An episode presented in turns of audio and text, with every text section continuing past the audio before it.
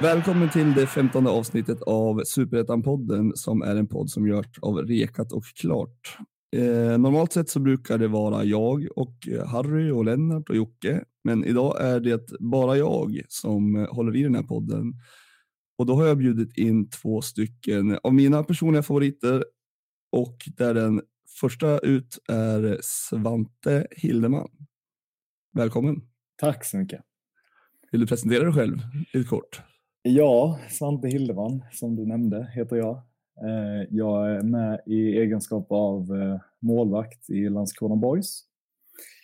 28 eh, år gammal, bor i Landskrona. Min personliga sak i Robinson hade varit en hängmatta. Varför hade det varit en hängmatta? Ja, men det verkar så jävla jobbigt att sova där på marken. Ja, nej, jag är en hängmatta. Har, har du sovit i hängmatta? Alltså inte sovit, sovit, men jag har slumrat i diverse hängmattor.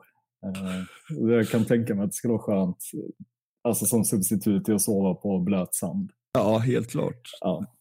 Det mycket, mycket roliga i detta är att vi spelade in ett avsnitt av eh, Patronpodden som jag är med i, eh, i egenskap av supporter till GIF Sundsvall. Och mm. då sa en av deltagarna någonting om en hängmatta och sen sa han, finns det hängmattor fortfarande? Vad länge sedan man såg en? Um, ja, jag såg en hängmatta senast på midsommar. Så ja, jag är ganska bekant med, med hängmattor. Vad härligt. Um, ja, nej, men jag kanske inte har bjudit in dig, no offense här, främst för dina fotbollsmässiga meriter. utan mycket för att jag eh, har haft dig som en personlig favorit, mycket för ditt eh, kanske mer medmänskliga eh, sätt att vara. Eh, vi har ju pratat eh, lite lätt genom åren, följt varandra på Twitter och sådär. Mm. Um, och eh, du har ju börjat skriva en del, eller har skrivit en del nu på slutet och sådär, vilket uh, jag tycker var lite uppfriskande. Det är inte så vanligt kanske att man har så mycket på sidan av själva fotbollandet. Nej, jag, jag diskuterade det med en kompis uh, igår faktiskt. Om, vi diskuterade huruvida jag är den svenska fotbollsspelare med mest, mest tid i media eh, i relation till minuter spelade på planen. eh, jag, vet inte, jag vet inte om det är smickrande eller inte, men någonting är det. Jo, det tycker jag ändå, eh, utifrån mitt perspektiv. Jag satt och försökte verka fram någon som skulle kunna vara eh, och tävla med dig där. Mm. Jag kom fram till att ja, du, min kompis hade något förslag. Detta blir dåligt poddmaterial, men, men han, eh, han försökte verka fram ett namn också till någon, alltså om det är en son till någon miljardär. Fast det var inte i Sverige. Alltså, jag, vet du vad? Vi skiter i det spåret. Vi skiter i det. Men eh, det var offside du skrev. Var det, första gången du skrev på riktigt eller har du skrivit saker förut? Eh, förra sommaren jobbade jag en månad på Skånesport. Som du, mm. du är bekant med Skånesport? Det är jag verkligen. Det är verkligen. Vad var det nu du skrev? Var det, var det sälarna du blev upprörd på? Ja, men det, det, var, jag tyckte att det var en oseriös artikel. Jag hade inte koll på Skånesport. Tydligen så var det någon typ av grej då. Alltså jag fattade inte riktigt grejen för de skrev ju ändå seriösa grejer tyckte jag. Uh, ja, nej, men så jag jobbade då förra sommaren på Skånesport en månad. Uh, och har väl alltid skrivit privat och så. Um, för mig själv, dagbok och sådär. Mm. Och har väl alltid haft lite i bakhuvudet, haft lite så skribentpretensioner. Um, så det var mitt första skrivjobb på, på Skånesport. Och sen, som du sa, så skrev jag en artikel för Offside nu den här våren. Mm. Vad roligt. Det är ju en mm. eh, otrolig eh, tabloid säger man inte, men det är, alltså offside är ju otroligt på många sätt. Jag tycker det är väldigt, eh, väldigt bra. Uh, vad, det, är en, det är en institution ja, det får man i, i Sverige och speciellt i svensk fotboll. Ja. Uh, då, då skrev jag om um, det var ett temanummer som skulle handla om, eller som handlade om rivalitet. Och då föreslog Johan Orenius att jag skulle skriva om intern rivalitet eh, just inom ett lag och mer specifikt mellan mig och den andra målvakten. Mm. Och det var lite läskigt tyckte jag. För det, det är ju mycket tankar, det är ju en speciell dynamik målvakter emellan och, och mycket, ja, det skiljer sig mycket från eh, konkurrens mellan utespelare. Mm. Det är ju mycket mer binärt på målvaktspositionen, att antingen spelar man eller så gör man inte det. Mm. Och att då sitta mycket på bänken som jag har gjort de senaste två åren, eh, det, det kändes läskigt att skriva om. Ja, jag förstår det. Hur, men har det varit olika situationer? Har du haft målvakter som inte har sett på, liksom, på den konkurrensen på samma sätt som du gör? Eller har det alltid varit liksom att man stöttar varann och att det... Mm, ja, jag har genom min karriär haft ganska sunda konkurrenssituationer. Mm. Inte haft någon sån galenpanna som är ute efter att skada, utan det, jag har haft bra, bra kollegor. Jag har nämligen varit med om när jag jobbade åt GIF Sundsvall eh, så hade vi hade den övermeriterade målvakten Alireza Hagigi som hade spelat i, jag tror det var Dalkurd Mm. Um, Möjligt. Ja, jag tror någon, ja, någon svensk klubb i alla fall innan, innan oss. Och han ville spela VM för Iran. Mm. Så vi fick ju honom då. Mm. Och så tävlade han med Eskelinen som var 19 Ja. och hade ju knappt stått. Ja. Var det lite så Marek Hamsik situation? Att han, ville Ja. ha, han skulle ha speltid? Verkligen. Det, det fick han inte, kan Nej. jag meddela. Åh fan! Så att eh, Eskelinen, 19 år, petade honom och gjorde ju liksom en supersäsong och så eh, slutade, då slutade han träna. Först och främst så ville han inte träna med Eskelinen för att han såg på, på honom som en konkurrent så att de skulle liksom tävla på varsitt håll och liksom. Vad hade Eh. han för erfarenhet av konkurrens innan? Alltså, vad, va? Han Jag, tror, jag vet inte om han hade haft någon konkurrens. Att det var just det som var problemet, att han inte hade Mm. upplevt konkurrens kanske tidigare och nu kom en 19-åring och tog hans plats när han hade tanken att han skulle spela VM med Iran. Liksom. Så att jag tror att det blev eh, det kanske blev någon typ av hybris möter verklighet möter, eh, ja, jag vet inte.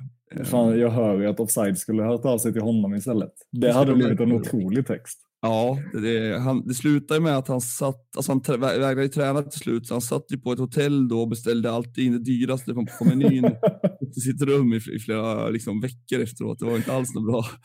Dyrt blev det.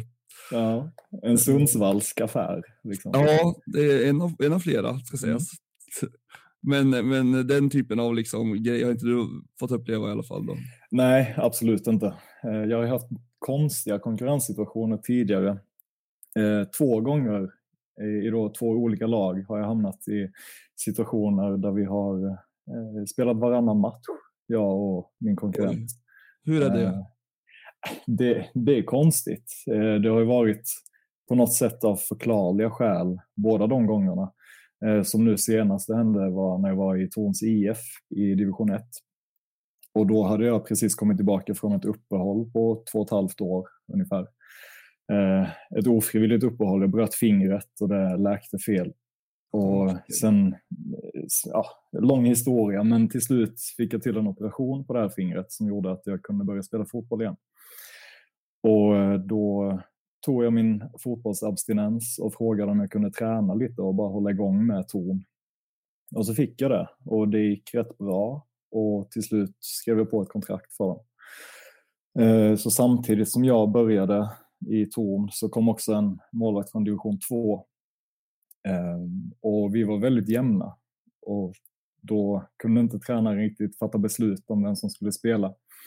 Och eftersom vi båda, ingen av oss var liksom i en sits där vi kunde kräva speltid, för han kom från tvåan och jag kom från ingenstans. Och Mm. eh, så blev det så. Vad speciellt. Men, men hur, alltså, om ni gjorde en jättematch då, då, då fick man ändå sitta på bänken matchen efter? Ja, ja, Oj. så var det. Eller jag tror vi hade, om det var två matcher i taget, alltså att vi alternerade efter två matcher. Ja, Okej. Men, eh, så, så höll det på säsongen ut. Och Ja. eh, jag, nu låter det som jag raljerar lite, men det gör jag verkligen inte. Alltså jag, Nej, jag inte. köper att det blev så. Det är en konstig situation.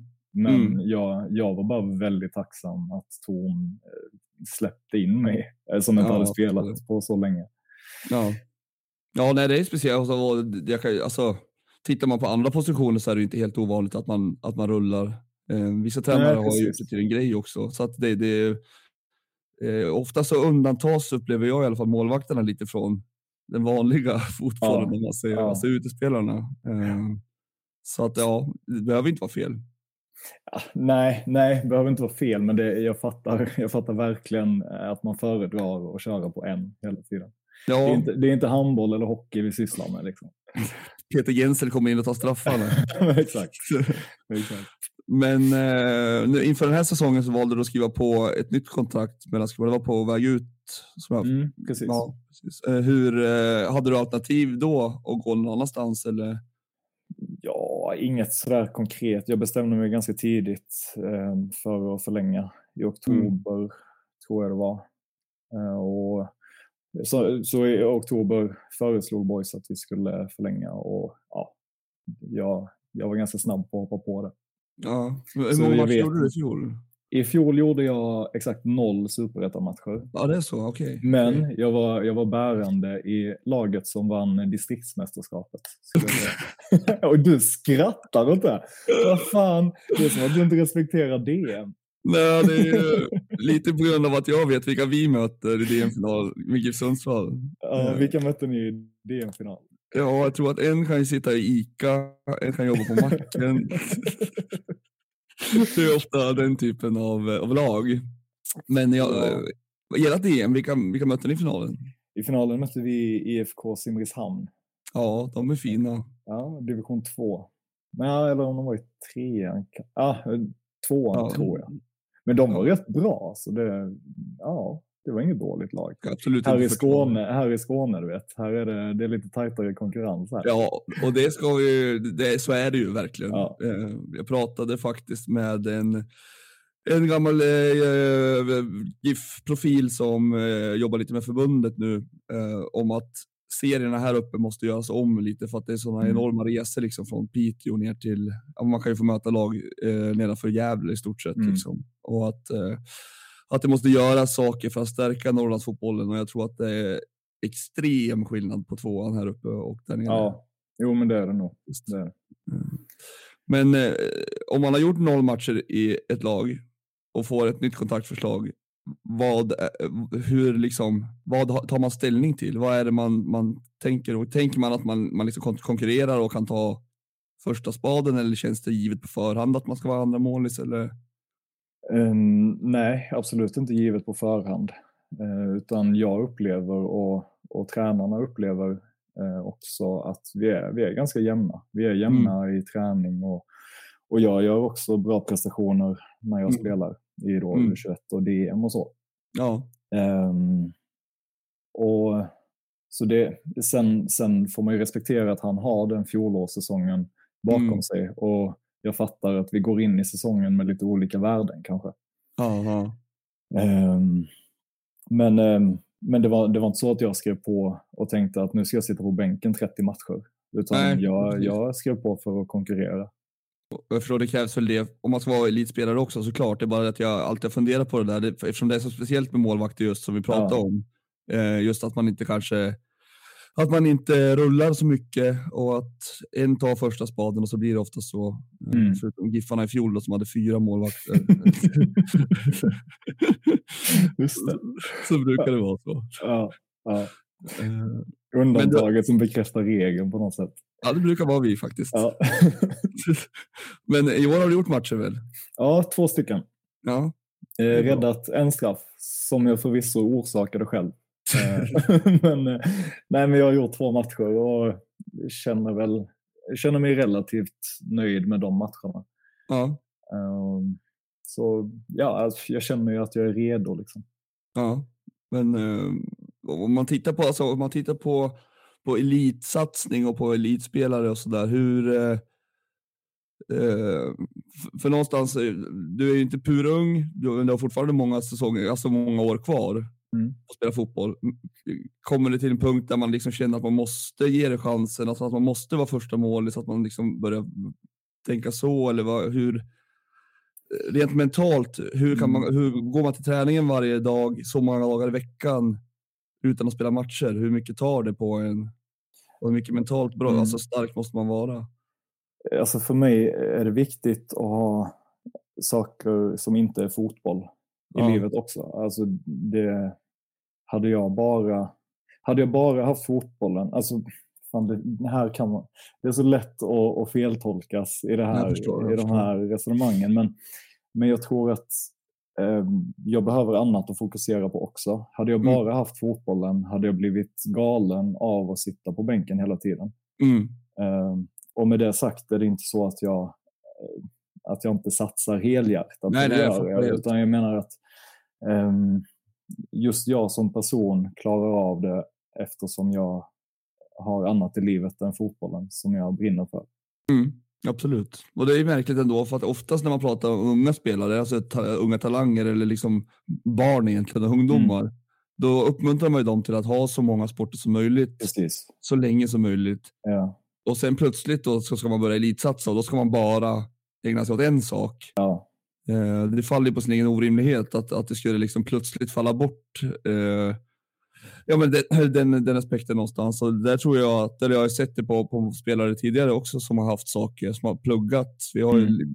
Mackan Danielsson och Erik Larsson blev hyfsade spelare liksom som, som pluggade på universitetet mm. på, på andra tider. Och någonstans så, så tror jag att det är viktigt att man har saker på sidan eh, också. Men hur, hur, hur tas det emot? Alltså, är, det, är det utmärkande som har saker vid sidan av? Är, är det sällsynt?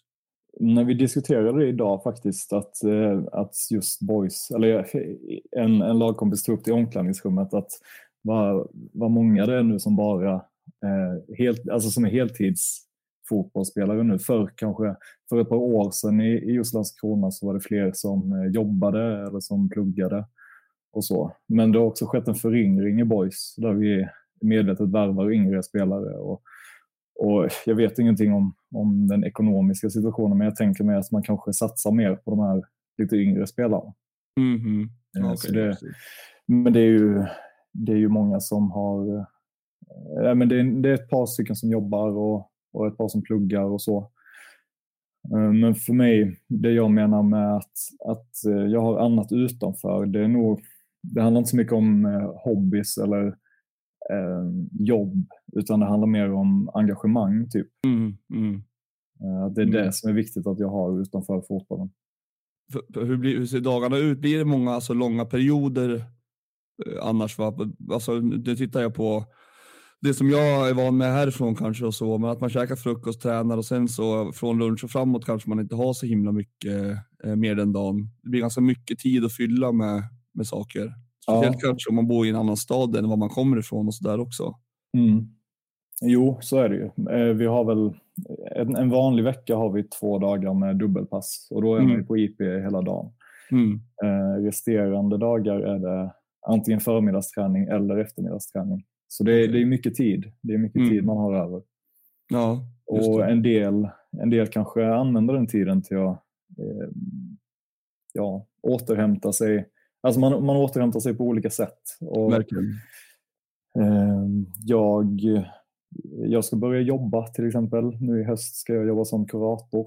Eh, så okay. det, det kommer väl ta en del tid. Eh, mm. kommer kanske inte ha så mycket fritid. Nej. Men, men är, är du en person som, som trivs med det? Att det är följt upp liksom? Ja, jag har märkt det nu under, eh, under våren fram till, fram till nu egentligen har jag bara haft fotbollen. Mm. Jag har inte haft något jobb utanför. Eller så. Alltså rent eh, tidsmässigt har jag bara haft fotbollen. Mm. Uh, och jag, jag blir ganska passiv av det märker jag. Alltså, mm. jag. Jag önskar att jag var en person som fick mer eld i röven av mycket fritid. Men jag märker att jag kan, om vi har en förmiddagsträning så kan jag komma hem och scrolla Twitter i två timmar och bli ja. helt, alltså jag, jag, blir lat av, av, av att leva det livet. Så mm. på, på något sätt ska det bli skönt att börja jobba i höst förstår. Jag är 100% likadan. Jag mm. jobbade nyligen på ett jobb där man jobbade dygn, vakna dygn mm. och sen så hade man många dagar ledigt mitt i veckan. Mm. Man kunde vara ledig tisdag, onsdag, torsdag. Eh, och liksom i teorin så är det superhärligt. Mm. Men i praktiken så innebar det att jag inte gjorde någonting istället. Ja, ja. Så. Jag räknade timmarna tills du skulle vara tillbaka på jobbet. Ja, nästan så ja. faktiskt. Och, eller låg och tänkte på vad jag hade kunnat gjort av den här tiden. Kunnat Exakt. För det, så. Exakt. Uh, och till slut så blir det, det sätter sig ju ganska, mentalt blir det ganska, man känner sig för, förslappad. Även om man mm. jobbar motsvarande 100 procent så, så blir det så här, Precis, Ja. den känslan av att bli förslappad kan jag verkligen känna igen. Ja. Eh, Men hur mycket gör ni tillsammans i laget och sådär? Eh, Speciellt om det, om det är väldigt unga spelare och så. Hur... Jag tänker att det måste, det måste vara en utmaning, för det är också kanske något som särskiljer fotbollslag kontra väldigt många andra. Många andra går ju till jobbet och så är man på jobbet och sen så kanske man inte umgås med sina kollegor fullt ut så väldigt ofta. Ni umgås ju väldigt mycket med varann eh, med väldigt olika åldrar och sådär. Hur får man Mm. ihop en grupp och hur kan man vara, just, jag tänker hierarkier och sådär. Mm, där, där tänker jag att det är viktigt. Eh, som idag till exempel hade vi då dubbelpass. Mm. Eh, och då har vi ju ja, sådär tre timmar mellan de passen. Mm. Eh, och det är nästan mina, min favoritstund eh, Mm. på dagen. För det är så, då, då blir det just det här att man, man har kanske inte skitmycket gemensamt eh, förutom fotbollen. Och man är kanske i väldigt olika åldrar. Men så Mm. sitter man där och bara snackar skit som på en vanlig arbetsplats i fikarummet. Typ. Ja, det är ju, det är ju fint. Det är ju också härligt tycker jag, lite grann när man åker på supporterresor och sådär. Man kan åka med någon som är 13 och någon som är Precis. 70 och att man liksom delar. Man skulle aldrig hamna där liksom annars egentligen. Exakt. Men det är väldigt lärorikt och det är väldigt eh, härligt också. Mm. Men jag tänker sådana här vanliga saker som jag, jag vet inte varför jag har fastnat vid det, men jag har tänkt på det mycket med jobb och jag har tänkt på mycket inför det här också. Till exempel med luncher och sådär, att gå ut och äta och så. Om man, eh, om man tittar på ett lag så gissar jag att liksom ungdomskontrakt kanske ligger på ett par tusen i månaden. Och att man kanske har några spelare som tjänar lite mer och att för dem så är kanske inte lunch så, så liksom ekonomiskt eh, betungande. Eh, är det något, är liksom hur... Man vill ju bjuda med alla på lunch, men det kanske är svårt att säga nej också om man är 17 år och hela Ja. gänget ska käka. Ja, alltså vi, vi har ju de här luncherna. eh, Den, när vi har de här dubbelpassdagarna så får vi lunch på IP. Ja, det är så. Okej, okej. Ja, så då, då sitter vi kvar där. Kanske ett fattigmansproblem som GIF Sundsvall har, att vi inte får lunch. Då köper de sin lunch själva när de har dubbelpass. Nej, det kanske, det vet jag i och för sig inte. Jag har Då åker du fast för förtal eller något. Så det Ja, nej, det, det vet jag inte. Men jag, jag tänker att ib- ibland som man är ute och äter lunch själv så ser man att många i laget går och äter tillsammans. Ja, okej. mm. Eh, Mm. Jag tänker nog mer där. Eh, Och jag, jag menar inte att de inte har bjudit in alla. Eller så. Jag tycker bara att ibland så känns det som att det borde bli situationer där de som kanske inte tjänar lika mycket Mm. Eh, hamnar i någon slags... Här, Att man vill leva det livet eh, men inte riktigt ha de Ja, ekonomiska exakt. förutsättningarna. Exakt. Och kanske om man kommer också socioekonomiskt kanske man kommer från olika ställen Mm. och man kanske aldrig haft möjlighet att äta lunch ute eller Mm. nu fastnar jag vid lunch, men, men generellt så att, eh, att det borde vara svårt ibland att kunna få ihop en grupp och kunna liksom tillgodose allas eh, vardag eller verklighet på något sätt. Kanske. Så kan det nog vara. Eh, Jag, ja, jag vet inte riktigt. Kanske. Nej. Kanske i Sundsvall. Här i Boys, i. Boys är vi experter på att få ihop en grupp. Speciellt på lunch. Ja, speciellt på lunch. Ja, vad bra. Ja. Då släpper vi lunch Ja, vi släpper lunchen va? Eh, men vi pratade häromdagen när jag frågade om du ville vara med här och då fick jag veta av dig att du skulle skriva en, en ny artikel, en ny Mm. text. Mm. Eh, kan du berätta lite om den texten? Mm, det är lite mindre omfattning. Eh, en Mm. tiondel så stor som Offside-projektet. Hur lång var, hur lång var den? Eh, sådär 30 000 tecken. Mm. Det, alltså, hade någon sagt till mig vad 30, alltså, innan jag skrev den hade jag ingen uppfattning om vad 30 000 tecken var. Eh, men det, det är en ganska lång text helt enkelt. Eh, och nu håller jag på att skriva en lite kortare text. Så kan vi säga. Eh, kanske 3000 tecken om vi nu ska ge oss in i tecken eh, Ja. matematiken. Eh, nej, men den handlar om eh, fotbollen och facket. Eh, Mm. Och det är väl en tanke som jag, som jag började fundera på när jag tillträdde som ombud i, i Boys eh, 2022. Att eh, det var Vad ganska... innebär ombud bara? Kort. Alltså att jag är den fackliga representanten i- Okej, i yes. Att det var väldigt få som, som var med i facket. Eh, Och generellt bland här fotbollsspelare är det väldigt få som är med i facket.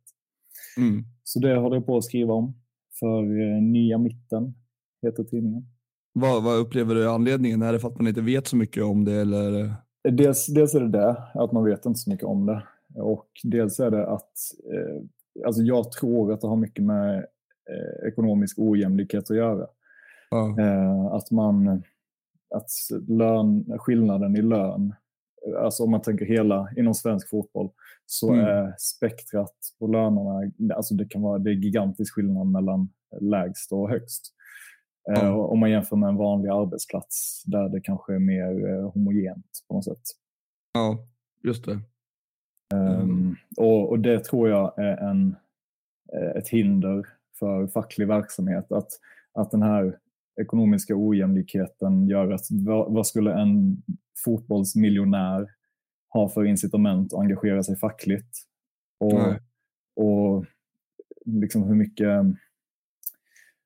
Eh, nu ska jag se så jag inte bara snor min egen text rakt av. Men, men eh, eh, hur, mycket, liksom, hur mycket solidaritet kan man frammana för någon som tjänar hundra gånger så mycket som du? Alltså just de här att, att fot, ekonom, att, de, ja, men att den ekonomiska ojämlikheten i fotboll är så stor så att facklig verksamhet blir svår.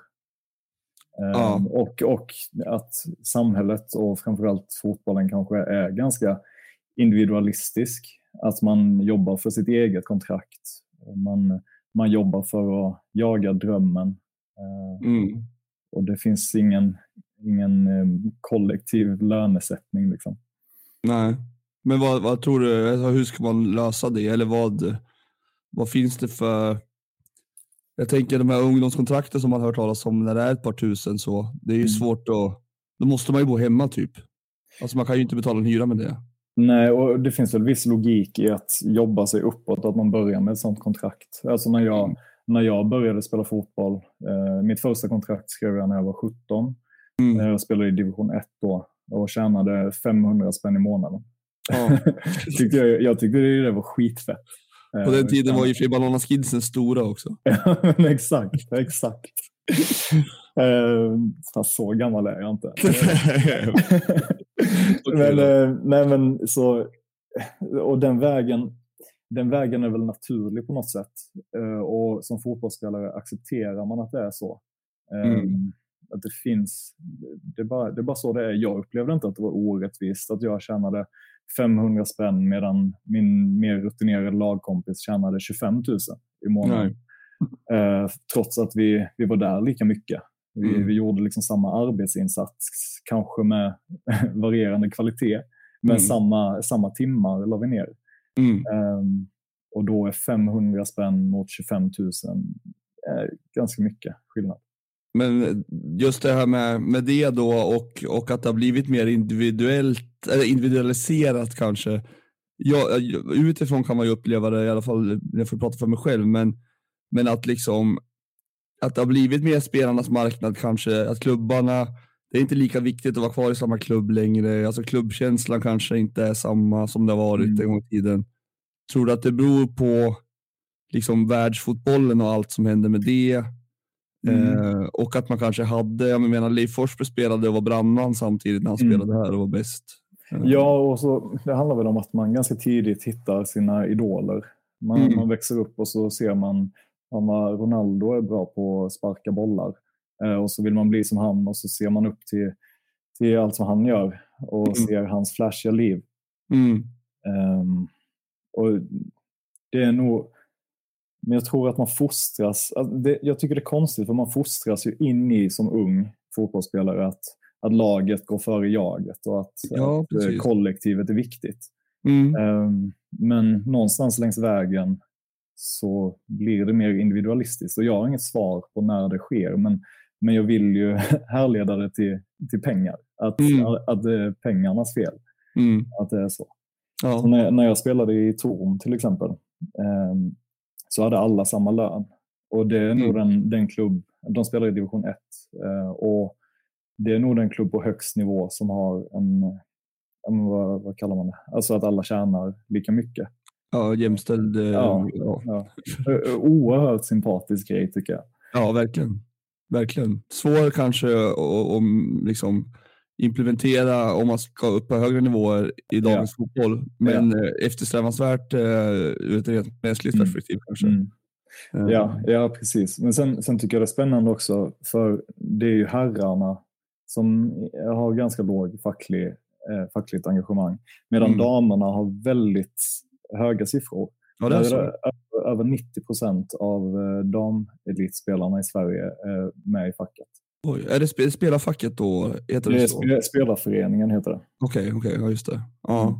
Men, men just det där är intressant, för jag tänker också det, alltså det här med, med lag, för det är ju lagsport och man, man liksom är med sitt lag hela dagarna. Man vinner och förlorar tillsammans med ett lag. Mm. Det är liksom monumentalt viktigt att laget fungerar som helhet för att man ska vinna matcher. Mm. Det är så svårt att se att, att, man blir, alltså att det blir så individuellt ändå i slutändan. Så precis mm. som du säger, jag har lite svårt för det blir liksom en jättedissonans mot, mot supportrar och sådär också som är så här, mm. ja men vad fan det är vi som betalar era löner som mm. hit. Mm. Och så mm. känner man ju ibland också när man är så här, fan de ger inte allt och mm. Varför går han ut i media och gör sådär eller så, ja. Um, och, och det, någonstans kan man ju fatta att någon som tjänar 3000 och någon sitter och tjänar 45 000 att det mm. kanske är lite svårt att ta till sig att ja, vad fan, tack för, för att ni betalar min lön. Men det, nej, men exakt. Och, nej, som, som sagt, jag tycker att att pengarna har skenat för mycket. Gud, originell take. Nej, men alltså... att det, det är helt eh, sjuka summor och jag tror att individualiseringen ligger där. Att det är därför. Ja. För att man, det finns så mycket pengar att tjäna. Eh, ja, jag är ju lite inne på också det här med att man tog bort eh, licenserna på agenter, att det mm. kan ha har spelat in ganska mycket. Jag tänker vi skulle värva någon från division 1 i fjol um, som skulle kosta oss två miljoner kronor till slut mm. för att det skulle vara så mycket agentkostnader. Ja, liksom. ja. Uh, det är 19-åring från division 1, ett allsvensk klubb, alltså jättechans för honom och, och, och så som jag tänker att vi vill att det ska vara i svensk fotboll, att man ska kunna hitta spelare i lägre divisioner som ska mm. kunna göra resan och så. Uh, om, om det börjar kosta liksom två miljoner kronor för en allsvensk klubb och plocka spelare från division 1, då, kommer man ju hellre, då plockar man ju hellre ut utomlands. Mm. Eh, Bosmans eller så betalar de lite mindre i, i, i sign-on. Mm. Ja, och det är, väl, det är väl också ett tecken. Nu är jag kanske på djupt vatten, men där tänker man väl att det ska ske någon slags trickle down effekt. Att, mm. eh, att pengarna ska neråt i systemet. Att ja. om de allsvenska klubbarna eh, har de ekonomiska musklerna som de får av tv-avtal och allt vad det nu mm. är, Eh, så ska det ner i systemet. Men, ja. men man, man vill ändå inte betala två miljoner för en division 1-spelare. Eh, så då tar ju pengarna stopp. Ja, eh, ja. Då alltså, stannar alltså, de i eliten. Ja, del, dels alltså de, de klubbar som ligger lägst ner i den ekonomiska hierarkin i allsvenskan de har ju inte råd heller med två miljoner. Nej, nej så gör inte det. Eh, jag blev ju chockad när det var Värnamo kunde slänga upp fem miljoner för, för Selkovic liksom från mm. Örgryte. Eh, men i normalfallet så jag tror inte Varberg har liksom de musklerna, eller vi, eller liksom, ja, ett par fler också. Eh, och, och, där har jag alltid varit lite mot hockeyn. Om man tittar där, där kan NHL komma och bara kinga spelare och sen bara ta dem därifrån. Mm. Eh, ja, hockeyn har jag ingen koll på. Nej, nej, men alltså jag, jag kan ha varit så här, vad finns det för uppsida med att spela unga spelare? Om, om det liksom i slutändan bara kan vara för, för NHL-klubbarna att ta dem. Mm. Eh, och att det har varit fotbollens liksom lite eh, styrka då, att en liten klubb kan få fram en talang, sälja honom till en allsvensk klubb och göra någon miljon i alla fall och mm. få liksom ja, återinvestera det i verksamheten och sådär. Um, och där är man ju lite orolig när det går åt, åt det här hållet. Um, mm. och sådär. Uh, också att liksom, unga spelare får kanske felaktiga uh, liksom, tips eller råd uh, och gå för tidigt till, till klubbar som de kanske inte borde göra. Ja, och det är ju för att man i kanske brist på ett organiserat fack så, så vänder man sig till agenter Mm. Istället. Inte så att facket skulle tjäna samma syfte som en agent, men, men facket finns ju där som en trygghet utan att, vara, um, utan att ha en egen agenda. Ja. Medan en agent uh, har ju en egen agenda.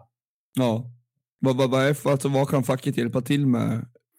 Ge, ge råd kring, kring kontrakt och så. Det är inte så att de kan förhandla, men de kan Nej. titta på ett kontrakt och, och säga att man är en 17-åring. Liksom. Man har ingen aning. Eh, det är ganska lätt att bli blåst då. Och då är Ja. det bra att det finns en, en tredje part som bara kan titta på det. Ehm, men också, de förhandlar fram kollektivavtal. Mm. Eh, och det, det är därför, om vi kommer tillbaka till det här med damerna, att de har så, så högt eh, deltagande, eller medlems, alltså att 90 procent är med, beror mycket på att de befinner sig i en kamp just nu. Eh, jag ska inte gå in i hela kampen, men deras kollektivavtal gick ut. Eh, och jag vet inte om du såg det, men i början av den här säsongen så skrevs det ganska mycket om det, att, att damerna kommer till spel utan kollektivavtal. Mm. Eh, och det spekulerades i om de skulle strejka eller, Ja, eller vad de skulle göra. Och det skrevs ganska mycket om det där i slutet av mars, början av april. Mm. Eh, så nu häromveckan i samband med att jag skulle skriva den här artikeln så blev jag nyfiken på hur det hade gått. Och eh, så googlade jag, men det finns ingenting att läsa om det, för det har inte hänt någonting. Eh, de har spelat nu i, vad blir det, tre, fyra månader utan kollektivavtal. Mm. Och jag tror det är en bidragande faktor till att så många är med i facket Mm. bland damerna, just för att Mm. de har en aktiv kamp. Ja, just det. Just det. Men utan att bli liksom, jag ska absolut inte snärja in mig i, i allt för politiska grejer här, men om man tittar på, det är alltid varje år så görs det en undersökning vilka liksom, här fotbollsspelare röstar på och det är alltid så här Mm. 97 procent Moderaterna. Är det så? Ja, det är jämnt det varje år. Ja. Jag tror det var, det, jag, jag kanske ljuger, men jag tror att det var 93 procent sist eller något sånt där. Men det var i alla fall väldigt, väldigt högt. Eh, Mm. sen undrar man ju lite vilka de har frågat och så vidare. Men, men ändå. Eh, kan det vara så att, att man tror att, att det fackliga ska vara, att det blir liksom partipolitik av det? Eller liksom? ja, det är nog lätt hänt. Men det är också konstigt i ett, i ett land som Sverige med generellt hög eh, facklig organisering. Ja. Ehm, jag, jag kollar upp nu Riks, alltså om man kollar på alla människor, alla anställda i hela Sverige, alla åldrar, så Mm. är 71 procent med i facket. Och det, det är ganska högt. Det är lägre än det har varit, men det är fortfarande relativt högt. ja. Ehm, och, men, men det är väl också en sån, det blåser ju högervindar liksom. Och Mm. då, är det, då är det lätt att se fackligt engagemang som någonting fult. Att det är någonting, någonting som är lite utdöende kanske, kan Mm. jag tänka mig. Ja. Att folk inte uppskattar det kollektiva längre. Då återkommer vi till det här med individualiseringen av samhället och, och ja, Mm. eh, inte bara fotbollsvärlden utan samhället i stort. Att, eh, att det kollektiva tar mindre och mindre plats. Ja. Och utan att bli polit, för politisk så tycker jag att det är för jävligt. Kollektivet är det viktigaste som finns. Mm. Ehm, och det är synd att det är på väg att dö ut. Ja, men det blir som sagt, det, blir, det är så väldigt, väldigt svårt att få ihop, alltså för hela fotbollsrörelsen är ju liksom eh, från att man är liten när man spelar i ett, ett lag, alltså man, man är ju så väldigt, väldigt ung när man börjar spela i Mm. ett lag och lär känna folk och liksom så här inser att det här måste, allt måste funka för att vi ska funka och, Mm. och jag är liksom inte viktigare än någon annan i det här laget och, Mm. och så. Det, det är väl, verkligen en, en intressant eh, grej att ta reda på vart det liksom, när, Ja, var och precis. varför. Precis, man, man skolas ju in i, i det kollektiva tänket. Ja, verkligen. Eh, och som, som det är nu så, ja, men vi har haft många, vi har haft eh, eh, liksom villkorstrappan, vi har Mm. haft eh, alla de här sakerna och, och, och i, idag är väl VAR den, den liksom debatt som kanske enar flest. Det finns fler också, men, men då, då upplever jag också att det är väldigt så, ett kollektiv och, och sådär. Ja. Eh, Så ja. Men, men semester och sånt, är inte det också sånt som brukar dyka upp? Alltså typ så här, sommarsemester och vintersemester och Alltså att man som spelare har rätt i det. Ja, men att jag för mig att det var några år sedan som det förhandlades om det där, hur det skulle göras för att man skulle få semester på rätt sätt och så vidare. Möjligt. Jag, ja, jag är ju ganska ny i det här med elitfotboll och därför också ganska ny i vad, vad man Ja, har för möjligheter genom facket. Men det ringer en klocka. Ja, jag kan hitta på det också. Ja. Vad annars? Eh, men eh, vi ska börja runda av alldeles strax. Men om man tittar på, på ena säsongen, om vi ska gå in lite grann på fotboll här på slutet mm. bara. Mm. hur, jag såg att ni värvade Rasmus Wendt. Här, ja, stämmer. Han kommer från ett division 1-lag. Vilka var det? Lunds BK. Lunds var det, okej. Okay, ja. Inte, inte Torn alltså. Rakt motsatsen. Okay. De är ju, de är, det är derby. Det är Lunda-derbyt de är med. Ah, okej, okay, okej. Okay. Torn har ju för övrigt det bästa Twitterkontot på, på Ja, du ja. Verkligen. Ja. Man, man gillar Torn. Hela fotbollssverige gillade ju Torn ett, ett, tag. Jag tror det var under pandemin kanske, när det inte fanns någon publik. Ja, de är, de är spetsiga ja. i sina takes. Jag, för, skrev de någonting om Reinfeldt nu häromdagen? Jag vill minnas att de skrev något om Reinfeldt, med en ja. lite så ironisk touch. Det backar man. Det backar man. Men jag har fått in eh, Rasmus Wendt här, eh, en ytter som jag förstår det, som förstärker er. Hur ser du på vårsäsongen och hur ser du på det som, som komma skall så att säga? Mm, vi har ju förstärkt med ytterligare två spelare. Eh, okay. Vi har tagit in en mittback från Sollentuna, kanske Stocksund. Något Stockholmslag i division 1. Ja. Eh, någon som är hierarkiskt under dig så att du, inte, du vet inte vart han kommer ifrån. Exakt, nej men det är mer att det handlar om Stockholm. Att det, är bara, ja, det, är liksom, det, är, det är klägget. Det är någon Stockholmsklubb. um, men um, ja, så en mittback, eh, Gustav Bruselius heter han. Ja. Och så en ytterligare en offensiv spelare, Samuel Burakovsky. Oh, ja, du har koll på hockey. Ja, ja. Det är hans eh, pappa Robert Burakovsky gissar jag. Uh, ja, Otroligt. De sköt straffar, slagskott på straffar. Ja, det, det, säger mig ingenting. Vadå, är det som av Panenka eller? Ja, det, ja, det kanske är mer som eh, Pierre van Hooijdonk gjorde sina mål kanske. Fan, nu kommer jag ut som en komplett fotbollsidiot. Ja, men inte men det, vet jag. Vet Någon som skjuter hårt bara. Ja. Okej. Okay. Eh, nej, så, så tre spelare har vi tagit in nu senaste veckan. Just det. Eh, han, är, han är från lägre divisioner också va? Ja, han kom, Burakovsky kommer från MFF. Ja, eh, skolan har, varit, har varit utlånad till division 1 nu. Just. Okay. Men ehm, jo, nej, det, och de, de har kommit i träning nu och det ser bra ut tycker jag. Det, det ska bli en kul höst. Ja, men vad, hur upplever du vårsäsongen? Är, är ni där ni liksom ville vara eller tänkte att ni skulle vara? Är det liksom godkänt eller? Um, vi, hade velat, vi hade velat ligga högre upp i tabellen, men mm. vi kommer högre upp i tabellen genom att göra bra prestationer. Vi har väldigt mm. mycket prestationsfokus i Landskrona, så jag är lite mm. indoktrinerad att säga det här med prestation.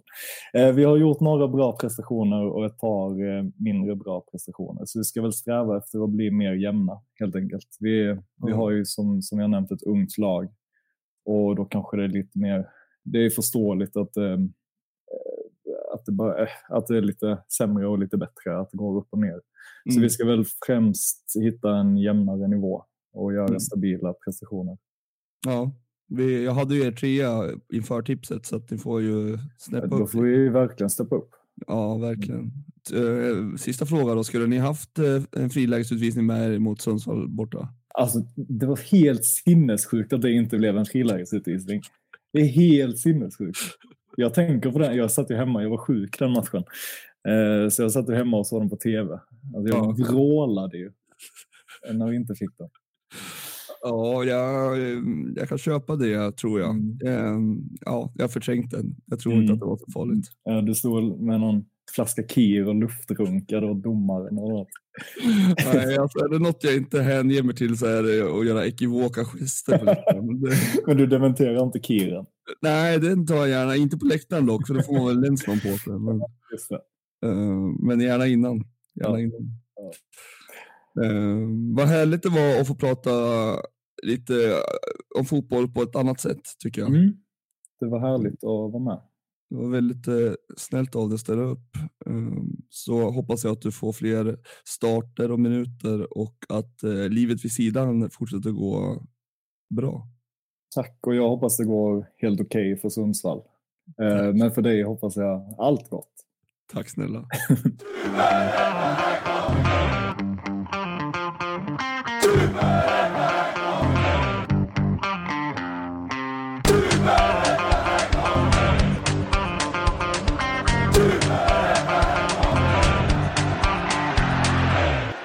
Ja, det var Svante Hildeman som vi tackar å det hjärtligaste för hans fina tankar och idéer om eh, livet och om fotbollen. Eh, och eh, istället så går vi över till vår andra gäst för dagen och det är ingen mindre än Marcus Bring. Välkommen! Tack så jättemycket. Vem är Marcus Bring? Ja, eh, jobbar ju på Fotboll Stockholm nu eh, dagligen och skriver om eh, AIK, Hammarby och eh, Djurgården där. Och sen har ju min ja, dataanalysnisch får man väl kalla det. Eh, mycket mm. med spiders som jag gissar att folk eh, känner till. Sen är det väldigt mycket mer än bara spiders också, men eh, generellt analysera fotboll utifrån eller med hjälp av data. Just det. Hur, hur hamnar man eh, där? Ja, jag, den här frågan har jag fått 300 gånger ungefär. Mm. Vet inte exakt hur jag ska svara, men någonstans på vägen har jag ju eh, börjat intressera mig för det här när XG kom fram och det är väl några år sedan nu, men bara helt självlärd är jag på den vägen och eh, jag vet inte, försökte konsumera allt jag kom över på internet och bara lära, lära mig om eh, dataanalys och på den vägen är det någonstans. Mm. Har, har fotbollsintresset blivit liksom roligare när du har fått liksom de verktygen också? Jo, men det skulle jag säga. Alltså, jo, men absolut. Nu har jag alltid älskat fotboll och kollat och narrat ner mig otroligt mycket, men det gav ju någonting mer. Liksom. Och sen kände jag ungefär i samma veva så började jag twittra och märkte att det är ingen annan som gör det här, åtminstone inte i Sverige. Så att eh, ja, man fick ju en ganska en bra boost liksom, för folk var intresserade, så då det är klart att det gjorde allting lite roligare. Ja, ja jag har ju skickat efter, efter någon, någon spider ibland Ja, det kommer jag ihåg. Paja Pirska var väl senast kanske? Ja, ja det stämmer alldeles utmärkt. Ja. Eh, fin säsong hittills. Ja, gud, han, han gillar man verkligen. Eh, det är en, en eh, fin spelare, men det vi har pratat om att göra idag är ju att kolla lite spelare. Mm. Hur de har presterat helt enkelt från, från starten av säsongen till, till dags dato. Mm. Ehm, har du hittat någonting som, som har eh, gjort dig liksom eh, överraskad eller har stuckit ut någonting? Ja, men har, har väl ändå haft liksom hyfsad koll på ungefär vilka spelare som har stuckit ut eh, statistiskt. Så ingen så superöverraskning kanske. Det är väl målvaktssidan jag haft. Alltså, generellt tycker jag alltså målvaktsdata och mål, alltså analysera målvakter generellt. Det skiljer sig så mycket kontra utespelare. Eh, och där känner jag väl själv att jag lägger inte lika mycket tid, kanske lite sämre på det. Så just de tre målvakterna som ligger i topp är... Eh, jag hade inte kunnat gissa det för att jag hade ingen aning, men eh, får se om, någon, om, du, om du tycker att det känns vettigt. Ja, är det sämre målvakter än någonsin i Sverige? Ja, det är frågan. Det kanske det är. Jag har inte reflekterat över. Det känns ofta som målvakter. Man blir irriterad på målvakter. Gör ja, så dåliga saker ibland. Men det känns som att superettan eh, har svaga målvakter i år. Ja, Nej, det är möjligt. Det är mycket möjligt. Jag har verkligen inget belägg för det här såklart. Ja. Det, det, har jag sällan. Hur har Sundsvalls målvakter skötts i år? Uh, nu ska vi se. Uh, det har inte gått så bra. Nej. Nej, vi, har ju en ung målvakt. Han fick ju hoppa in i fjol. Han gjorde väl fem matcher tror jag i Allsvenskan i fjol. Uh, Gustav Molin, han är 19 ja, liksom. Eh, så han startade i början. Eh, han höll faktiskt nollan både första, alltså premiären och eh, första bortamatchen, så två raka. Mm. Men, men han är ju väldigt ung, han är väldigt oprövad på seniornivå. Så att, det kom lite sämre prestationer och sen så har Oskar Jonsson stått då. Just det, just det. Men, men det, ja, och han har gjort det absolut, han har absolut inte gjort bort sig. Men, men det, vi släpper ju in mycket mål och det är knappast bara målvakternas fel att det är så. Men eh, hur, eh, hur ser det ut på, på målvaktssidan? Vilka, vilka har vi i, i topp? Nej, men exakt. Så där, målvaktssidan, där kan man ju kolla på lite, lite olika sätt, men det absolut enklaste och vettigaste är väl kanske att kolla vilka som eh, liksom förhindrar flest mål att bli gjorda, vilket någonstans är ju huvuduppgiften för en målvakt fortfarande, hur bra man än bör vara med fötterna och så vidare. och då finns det... Exakt. Uh, och då finns det en metric som uh, ja, men prevented goals kallas det på den, i den databas jag använder som är Y-scout och uh, egentligen hur många mål förhindrar du? liksom positivt eller negativt. Ju högre notering du har, desto fler mål förhindrar du i, i genomsnitt och Men bäst av alla den här säsongen har eh, Nick Wolters varit i AFC. Helt overkligt. Nej, det tycker kan det? inte vara sant. Han, han toppar där. Oj, oj, oj. Det här kommer jag få äta upp. Och är det, vad är det nu? Är det någon backstory här som du, du Nej, gillar bara jag har sagt att han är en av de sämsta målvakter jag sett i svensk elitfotboll. Typ. Ja, det, det man ska komma ihåg är väl att han har stått åtta matcher, tror jag, vilket är ett ganska litet underlag. Han är den av de tre här som sticker ut positivt som har spelat absolut minst. Så det Ja. kan ju vara att det bara är en liten liksom, total randomness, liksom, att det inte kommer se ut så över tid. Men än så länge har han eh, väldigt fina siffror på att rädda skott. Ja, låt oss hoppas att det, att det är det undantaget. Det Jocke i den här podden kommer ju, alltså han kommer ju, åh. Ja, det var inte vad man ville höra. ja, Eh, Volter. Men vidare, de andra två som eh, är på topp tre tror jag inte eh, kommer vara lika överraskande. Då. Den, nummer två är Anton Fagerström, Ja, vilket väl är vettigt. absolut. Och eh, nummer tre, Kalle Joelsson. Eh, visserligen i ett uselt eh, Helsingborg, men han har väl gjort sitt för att eh, ja, de inte ska ligga där de ligger. Han är bra. Um, Jag har för mig att jag såg, nu tror jag att han har spelat för få matcher, uh, Gustav Molin, men, men att det stod att han hade räddat näst mest i, i Superettan efter några... Ja, det, Ja. det är möjligt. Det ska jag ju Men- säga också kanske innan vi, innan vi går vidare att det är en, eh, en cut-off på 50 procent av speltiden. Eh, Så vad blir det? 540 minuter eller något sånt. ja Eh, Annars är man inte med i in contention så att säga. just det. Men utifrån de här siffrorna skulle alltså Nick Wolters vara den som eh, är vår gubbe? Ja, ja, om man bara ska gå på det kvalitativa utifrån siffrorna så ja. Exakt. Ja, ja det... Men, men jag, jag, jag är ju lite, det här med underlag är viktigt. Alltså. Han klättrade väl inte precis över gränsen, men han har ju minst som sagt. Så ja, Fagerström och Joelsson ska väl ha sin, mm, ha sin stund i rampljuset också. Ja, absolut. Um, vad går man på sen då? Är det mittbackar eller ytterbackar? Eller vad tycker vi? Ja, men ska vi, vi kan börja med ytterbackar då. Mm. Ehm, kan vi göra. Och här har jag ehm, här har jag helt enkelt gjort så att jag, jag bygger sådana modeller där man kan bara koka ihop x antal nyckeltal som man tycker är viktiga för positionen och sen bara får man ett index helt enkelt där eh, det är den som har bäst siffror overall. Och, ehm, ja, och då är nummer ett där är Runar Sigurgeirsson i Öster Just det. som jag också haft koll på under säsongen och som jag tycker är riktigt bra. Alltså. Mm. Och har varit eh, ja, men verkligen imponerad. Han, jag tycker att han har oerhört mycket i sitt spel och kreativ, kan bryta linjer med passningsspelet, driva framåt själv och duellstark och sånt. Så att eh, jättesäsong än så länge. Mm. Eh, är det någon som skulle vara, alltså, kunna spela på högre nivå tycker vi? Det tror jag. Det tror jag absolut. Eh, som sagt, det är inte vanligt att man ser de där profilerna som eh, täcker så mycket av, eh, av liksom kvaliteter. Så att, nej, han, är, han imponerar på mig. Mm. Eh, sen nästa på listan är lite, nu har inte jag, eh, jag kommer bara ihåg från Eriksson Binako var ju Mm. lite, lite utskrattad nästan när han var i allsvenskan ju. Ja. Men gick till guys och har ju varit bra Mm. faktiskt och framförallt eh, offensivt där han är kreativ och skapar chanser och sådär. Så han är en, den som har näst bäst indexscore då. Ja, Det är inte, alltså, gjorde inte han en väldigt bra säsong och därför blev såld till, var det Malmö? Nej, det var det, vänta nu. Hä- Häcken och Norrköping har varit det, eller? Ja, ja, det har han ju. För, men jag kommer ihåg att han gick ju till allsvenskan, Mm. och, men det gick ju inget bra liksom. Nej, där. men jag, jag får mig, var det inte någon som betalade ganska mycket pengar för honom? Jo, det är mycket möjligt. Ja, ja det säger ju ingenting. Det, har hänt förr. Nej. Ja. Okej, ja men eh, jag är inte, jag är inte så överraskad över det. Jag tycker inte han är så dålig. Nej, nej alltså den här säsongen har ju varit bra. Absolut.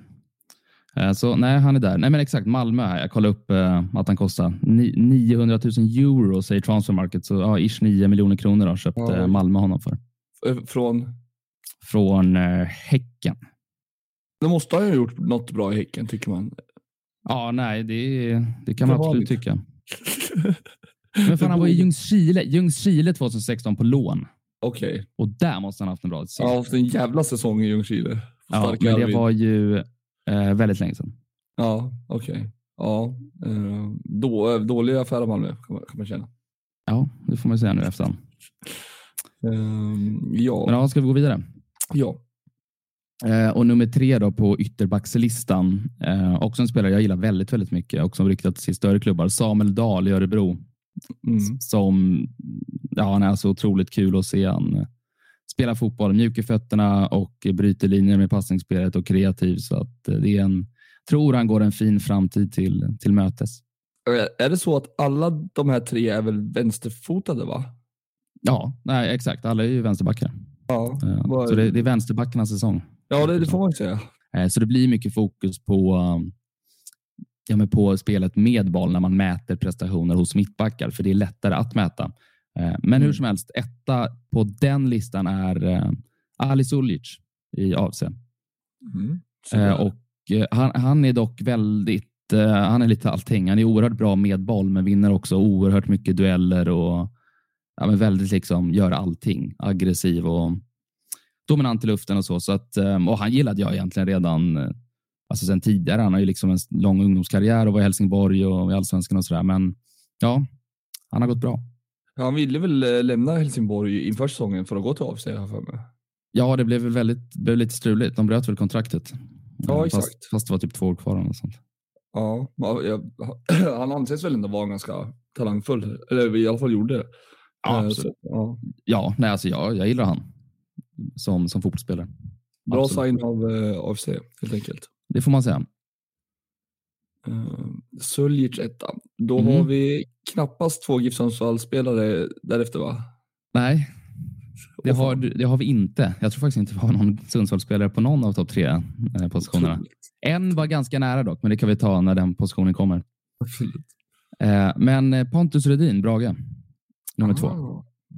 Eh, Han är, han är också riktigt fin och riktigt bra med, med boll. Inte riktigt den här eh, dominanta defensiva kraften som Suljic är, men det behöver inte betyda att han är dålig defensiv som sagt, utan kanske bara lite mer, lite mer passiv eller bara generellt försvarar mindre aggressivt. Liksom.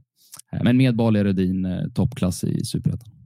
Ja, Han kan spela högerback också tror jag om jag inte helt Mm. cyklar. Ja, nej, men det är inte båda- ö- överraskande med tanke på att han är duktig med bollen. Nej, nej, exakt. Det var en öppen dörr som jag slog in där. Ja. Eh, ja, och då har vi den tredje då. Ja, den tredje. Ehm, och Det här är också en spelare som har stuckit ut liksom flera år i lägre divisioner också. Det är Kristoffer Styffe i Örgryte. Han var på Och- väg till oss inför säsongen. Ja, det var så. ja. Det, det känns ju lite eh, Douglas-kompatibelt, det här med spelskickliga mittbackar. För att Styffe är verkligen duktig med bollen och det, det är det som har stuckit ut när han har varit i Dalkurd och sådär i ettan också. Att eh, jäklar vilka liksom progressiva passningssiffror han har och eh, det har han tagit med sig in i superettan-säsongen med, med Örgryte också, så han, han imponerar. Men mäter man så här aerial duels och sånt där också eller? Ja, alltså indexsiffran som de här får, då, då är ju allting inräknat. Okej, Defensiva okej, dueller absolut. och allt sånt där. Um, sen viktar jag det lite mer mot uh, bollprogression för att det, det säger mer om kvaliteten. Om jag skulle liksom mäta bara hur många vu- vunna dueller, ja, men då får man en, ja, men som Forrest Lasso och ser i fjol i allsvenskan. Bara för att han Mm. har flest dueller i serien betyder inte det att han är bästa mittbacken. Nej, Så då är, då är det lättare att vikta lite mot sådana parametrar som man vet verkligen betyder något. Alltså hur mycket nick, nickar en mittback ens på en match? Det kan inte vara så jävla många gånger. Nej, det är väl inte... Nej, extremt många gånger är det inte. Sen är det klart, spelar du ett jättedefensivt lag som blir tillbakatryckt nickar du ju mer än Ja, om du spelar i seriens bästa lag. Men eh, nej, extremt mycket behöver det inte vara. Vi hade ju 21 hörnor mot oss eh, mot Malmö i fjol, en match. Ja. Det är klart det blir en del nickar. Ja, det är jävligt tufft. Alltså. Ja, du ser. Ja, men det, då har vi, vi har inget lag som har två va? Eh, två spelare? Mm. Mm, nej. nej, det har fan varit en från varje lag än, eller? Sj- Sjukt. Nej, med två AFC. Wolters Två och Solic. ja, exakt. Ja, det hade man kanske inte räknat ut på förhand. Just det. Nej. Mhm. Nej, men så är det. Ja, men vidare då. Ja. Och då kan vi väl köra innermittfältare. Yes. Eh, och här, här blir det väl så att eh, innermittfältare, vad är, vad är det? Det finns ju så många olika roller, men jag försökte köra någon form av eh, allround eh, lösning så att eh, ja, det är lite blandat med eh, hur man mäter, men det blir väl någon form av liksom lite alla parametrar som inräknade i det här indexet. Men ja, nummer ett där som jag verkligen gillar den här säsongen är Daniel Ask i VSK. Mm. Som jag tycker är riktigt bra. Alltså, han ja, kan verkligen ta bollen framåt och skapa chanser åt andra. Och, ja, nej, det är en väldigt skicklig, skicklig fotbollsspelare. Mm. Honom har Jocke varit inne på vet jag. Ja, jag gillar honom. Ja, han, han är bra. Mm. Ja, nej, han är alltså verkligen riktigt duktig. VSK har många bra spelare som man liksom tycker om på något sätt. Ja, det känns som det alltid, det är många gånger det är liksom säsonger som bara vissa lag trollar fram. Så, men shit, det är fem, sex spelare jag känner är skitbra i det här laget. Ja, um, och det, alltså, de gör ju någonting riktigt bra med Kalle Karlsson i spetsen, så att, imponerande. Simon Johansson hatar man inte heller. Nej, herregud. Nej, alltså han, um, fan, han, han dök inte upp på någon av de här topp tre-listorna, vilket är lite konstigt. Ja, han är Men, jävligt bra faktiskt. Ja, han är, han är otroligt vass. Ja, verkligen. Um, men, men Ask, är Ask inne i mittfältare från början? Vet inte det. Nej, nej, det ska vi inte, behöva inte grotta i. För Men ja, nummer två då? Ja. Uh, det här är en spelare som jag eh, har gillat i väldigt många säsonger och inte riktigt förstått varför han inte fått chansen i allsvenskan än. Men Harris Birkic i Trelleborg mm. som är en aduler. Är det, ja, är det någon tycker om? Ja, jag, visst, jag vet inte hur mycket jag kan. Uh, han har väl varit intressant för GIF Sundsvall tror jag. Okej. Okay. Jag sträcka mig till uh, någonstans. Mm. Ja, det är så. Uh, men det är alltså, han är ju liksom en mittfältssnidare, kort, låg tyngdpunkt, bra teknik, tar bollen framåt hela tiden och bara oerhört spelskicklig. Liksom. Um, så, sen, också väl? Ja, nej, exakt. Så att, uh, det finns mycket att gilla med den goda Harris. Fin kreatör och fin fot och allting. Så att, uh, jag, jag ja. trodde verkligen att han skulle gå inför säsongen någon annanstans. Men... Ja, det trodde jag också. Jag var alltså, övertygad. Så jag, jag, vet inte vad det är som gör att klubbar avstår. Är det någonting man liksom behind the scenes man inte känner till? Ibland kan ja, det vara något. Ja, det vet man ju aldrig, men som fotbollsspelare tycker jag verkligen att han bör få chansen i allsvenskan. Det kan ju vara att man står på gärsken också, att Trelleborg med sina pengar eh, hade möjlighet att behålla honom. Möjligen. Mm. Ja, det är möjligt. Precis. Eh, Mycket möjligt. Någon slags eh, P.O. Ljungskt eh, eh uppflyttningstal eh, kanske. Ja, mycket, mycket möjligt. Eh, och trean då, vem har vi där? Det är från eh, dina antagonister. Eh, mm. Eric Brandon. Ja, fan, han är bra. Han är bra. Han är ruskigt bra alltså. Ja, det, det... Jag gillar honom. Du köper den, till och med som giffare. Ja, men alltså, jag tycker att jag tycker hatten av för Östersund eh, på många sätt i år. Alltså, de har ju står på ruinens brant. De har fått lappa och de har fått liksom. Sen så tycker jag ju som jag tycker om Östersund och hela den liksom allt med, kring, men, men som, som säsong, den här säsongen betraktat så har de gjort eh, över förväntan tycker jag. Mm. Verkligen. Ja. Må, många spelare som har utmärkt sig. Mm. Det, ja, jag vet inte. Det, Powell måste ha gjort eh, bra saker där uppe. Mm. Nej, jag är helt enig. Jag hade inte heller förväntat mig det. De startade mot oss med en, alltså en kille som hade gjort, vad fan sa de, 20 eller 40 matcher i IFK Östersund senaste tre säsongerna. säsongerna. Jaha. Var typ, alltså, det var ju helt sjukt. Ja, ah, i division, vad fan det nu blir, tvåan till och med. Ja, exakt. Helt, helt galet. Uh, men, men det, det, känns som, alltså, det känns som att de har fått ja, men rollspelare som, som gör uh, jobbet. Liksom. Mm, mm. Malcolm Stolt är ju ingen virtuos. Han gör ju, kan ju säkert inte jonglera till tre, men han, han fyller en jäkla funktion. I... Ja, han är duktig. Alltså. Det ser lite ja. stolpigt ut emellanåt. Men... Det är oerhört stolpigt. Men han är bra på det han ja, är bra på. Ja, jo, alltså, absolut, verkligen. Uh, Isak Lidberg startar i och för sig i Go Ahead Eels varje vecka också. Så. Ja, det, och på väg vidare nu tydligen. Ja, det är helt sjukt. Han, start, han startar varje match från Gävle. Han startar typ varje match i Ahead Eels. Jag följer varje gång jag ser dem på Flashcore så går jag och kollar. Den flytten var ju så jävla sjuk. Ja, helt sjuk.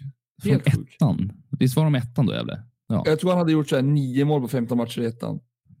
Ja, det är så här. Ja, hur fan hamnar man i Eredivisie då? Ja. Ja, i startelvan och sen aldrig ut därifrån. Nej, det är riktigt sjukt faktiskt. Ja. Nu får väl eh, Edvardsen, om han inte sticker, vart, är han på väg? Nej, det vet jag inte, men det var, jag har bara sett att det har varit intresse från klubbar på honom. Ja, det Eh, Ja, det ingen aning. kul för Lidberg. Jo, verkligen. Ja, men vidare då, antar jag. Ja. Eh, Ja. Och här, här har jag bakat ihop yttrar och offensiva mittfältare. Mm. Så det blir som ja, men alla de som klassas som på de positionerna. Helt enkelt. Var, varför, Erik Andersson var för övrigt, var, var han i- med? Det var han som var Alltså, i- nära. Exakt, ja. Ja, var det? Ja, Det var, det var okej. han jag syftade på när jag sa att en giffare var, var nära på en av listorna. Det var Erik precis. Andersson. Han var precis utanför. Ja, ja. Men, precis. men det är väl han som är bästa Sundsvallsspelare, eller? Ja, alltså jag tycker att han är topp i, i superettan. Ja, alltså, han är skitbra. Jag gillar också honom. Han, eh, han har ju fått tagit en lite eh, tillbakalutad roll också. Eh, Mm. Vi har inte så mycket mittfältare. Vi har ju Paja och han typ. Det är det Mm. eh, i stort sett. Så att, eh, han och Paja har ju fått växeldraget lite och i, i, för att få ut mest av honom tycker jag att han ska ligga högre på banan.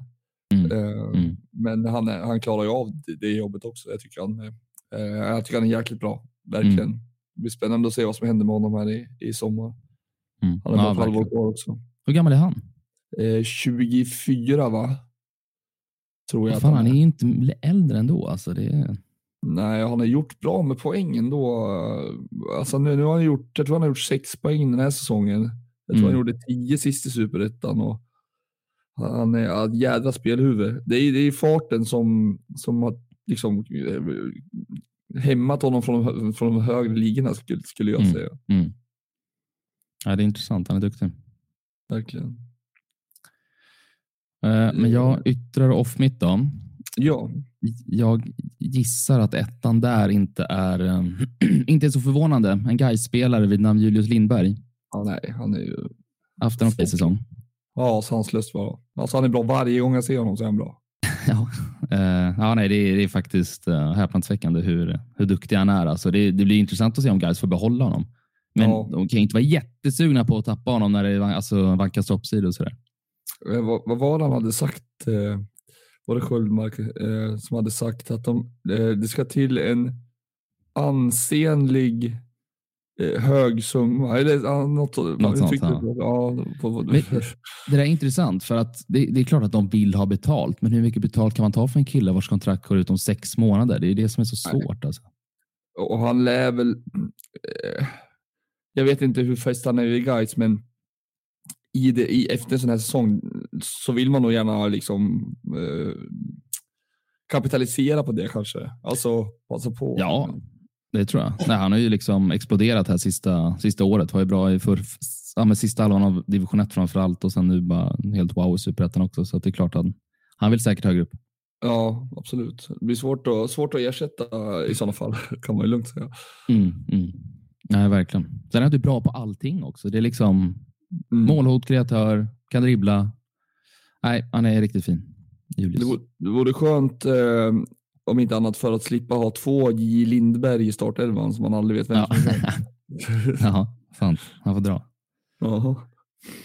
Eh, men ja, nummer två, en lagkamrat eh, faktiskt i Julius och eh, det är Gustav, eh, Gustav Lundgren. Ja, det är en hyfsat ny bekantning för mig. Jag tycker han har varit också fin när jag sett honom. Ja, nej, men han är han är så, jag vet fan, jag, jag gillar, men man fastnar. Det är någonting med hans spelstil som gör att man fastnar för att han, han är ju så stor, Ja, fast ändå högerytter. Men det, han är- har ju så otroligt mjuk och fin teknik ändå, så det blir så elegant på något sätt.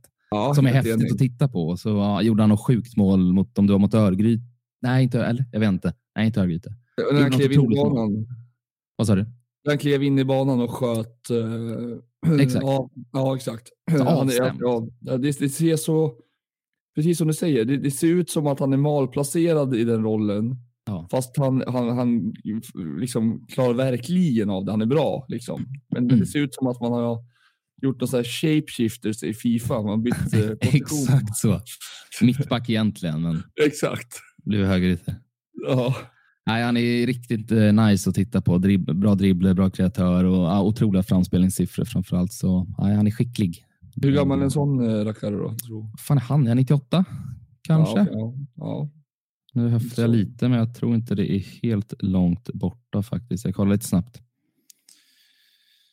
Det var ju någon gitarrism till Gustav Lundgren såklart. Här. Nej, han var 95 till och med. Okej, han var äldre. 28. Mm. Shit, ja. Han var lite äldre. Ja. I och för sig, Pashang gick ju till Degerfors idag. Så att, det Ja, går ju. just det. Just det. Det går verkligen. Om, om Degerfors är någon slags eh, dröm. Eh, Status. Eh, Exakt. får se. Superettan nästa säsong på dem kanske. Ja, verkligen. Inte omöjligt. Eh, på, tal om, på tal om flyttar då. Eh, om ni inte hade något mer att tillägga på Lundgren. Nej, jag tänkte säga att det borde vara Jebara. Ja, du har, du har helt rätt. Du har helt rätt. Ja. Det är nog min favoritspelare, förutom kanske Julius Lindberg i Superettan den här säsongen. Det är så kul att kolla på honom. Ja, vilken, eh, alltså det ser så oerhört eh, liksom enkelt ut allting. Det bara flyter. Ja, nej, han är... Och alltså som han kommer passa in i Elfsborg i känslan. Ja, Det, verkligen. det är så här, det är en Elfsborg-rytter. Punkt. Ja, det känns som att han redan, redan spelar i Elfsborg. Ja, exakt. Ja, exakt så. Otroligt. Nej, så Jabara är... Nej, det är, det är nog stort. Han är väl 03 också, så det är en jävla framtid på honom. Vad ska Landskrona, ja Landskrona har i och för sig värvat nu eh, två nya, Ro, eller Robert Barakowskis son, Samuel Barakowski. Ja, just det. Det var i Malmö innan, va? Eh, ja, precis. Tror det, Exakt. Och så Rasmus värvade från. Lund också, va? Ja, Rasmus Wendt. Just det. Som ska vara duktig, har jag sett. Enligt siffror åtminstone, men jag har aldrig sett honom spela. Nej, ja, precis. Eh, man, man, man anade väl vart återbarkade när, när de tog in dem. Eh, ja, det, det får man säga. Det var inte helt oväntat att det bara drog nu. Nej, inte direkt.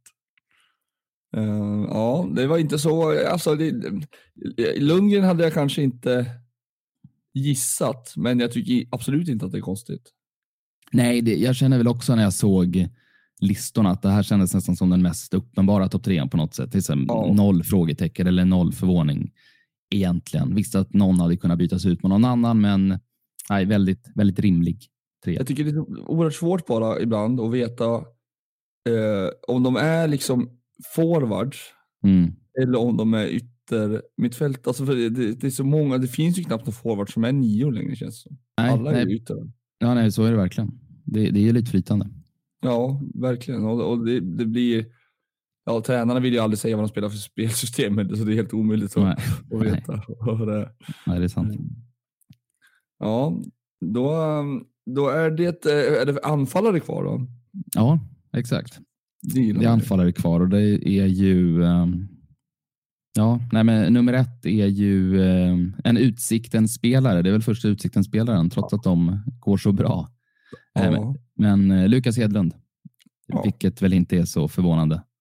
Han spelar mål karln. Nej, det är, han har varit riktigt imponerande faktiskt. Och, ehm, ja, ibland kan man ju hamna i såna här jag menar att man bara gör mål liksom på allting och eh, lite där är han väl, Ja, men han har ja. samtidigt jättebra underliggande siffror. Alltså, så det är, Ja, det är ja, Han har en kanonsäsong verkligen. Sen har han varit het. Han har gjort fler mål än vad man kan förvänta sig och så där, så att det lär ju takta ner lite grann, men alltså fortfarande jättefina underliggande som sagt. Så han kommer till mycket läge. Ja, alltså, han ser ju inte mycket ut för världen spelmässigt, alltså i spelet tycker jag. Men han är otroligt klinisk, har varit det nu åtminstone. Oh ja. Oh ja. Han dammar in från 35 meter, ribba in mot oss, typ stillastående. Alltså. ja, men just det, jag kommer fan ihåg så att jag såg det. eh, Den matchen. Sjukt. Det var snyggt.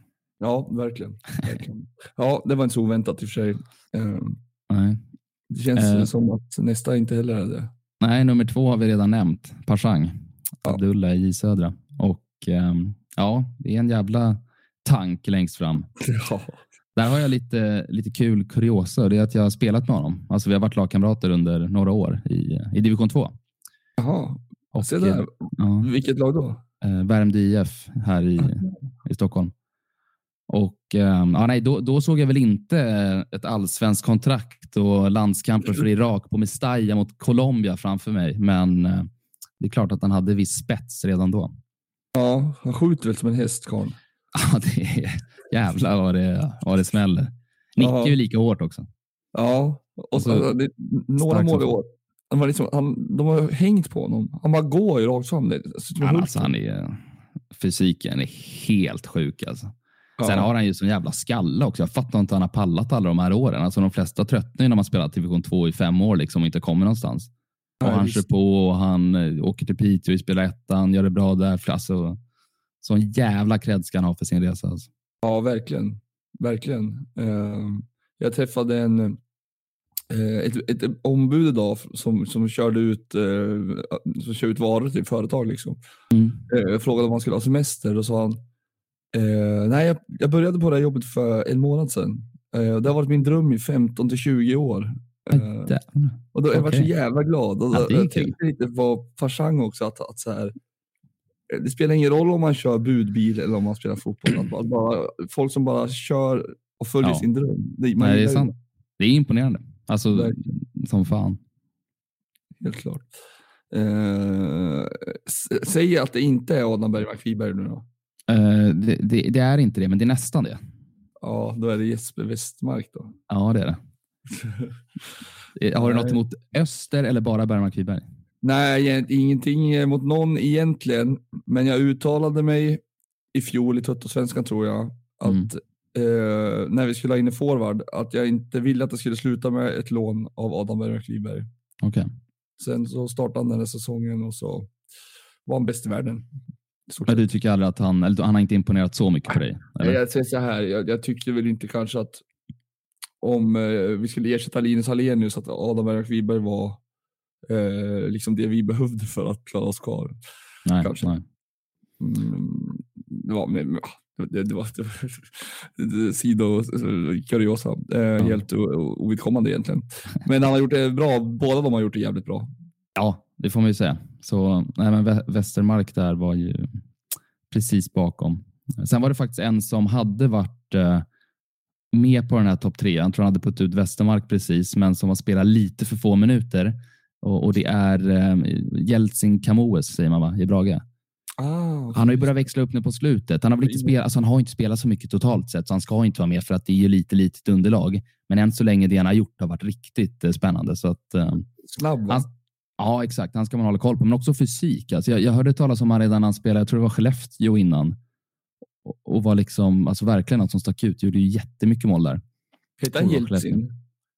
Ja, ja, vad sa du? Jeltsin? Han Ja. Jel- Jeltsin? Eller vad säger man? Je, Ja, Je, ja, nej, men har helt säkert. Det var bara... ja, jag tror det. Jeltsin ja. Kamoes. Jag tror han är så här, om han är portugis eller angolan. Kanske. Nej, men, ja, portugis. Ryskettling kanske?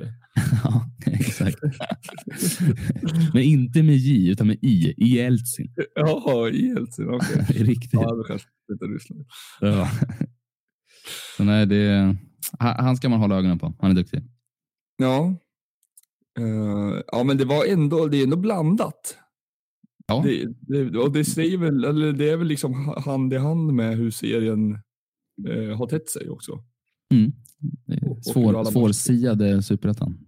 Ja, verkligen. För bara det att, egentligen så har ju utsikten varit helt eh, outstanding, men det är ingen som vill ta de orden i sin mun. Nej, exakt. Bara räkna från andra platsen istället. Exakt. Ja, nej, det kan hända mycket eh, känns det som. Ja, gud ja. Det är inte över på långa vägar. Nej. Vad, vad har vi för, eh, har vi några liksom talanger som, som man kan hålla ögonen på? Ja, men den, den, det finns det ju. Saken är väl att de bästa talangerna som jag tycker har, alltså Jebara är ju nummer ett för mig.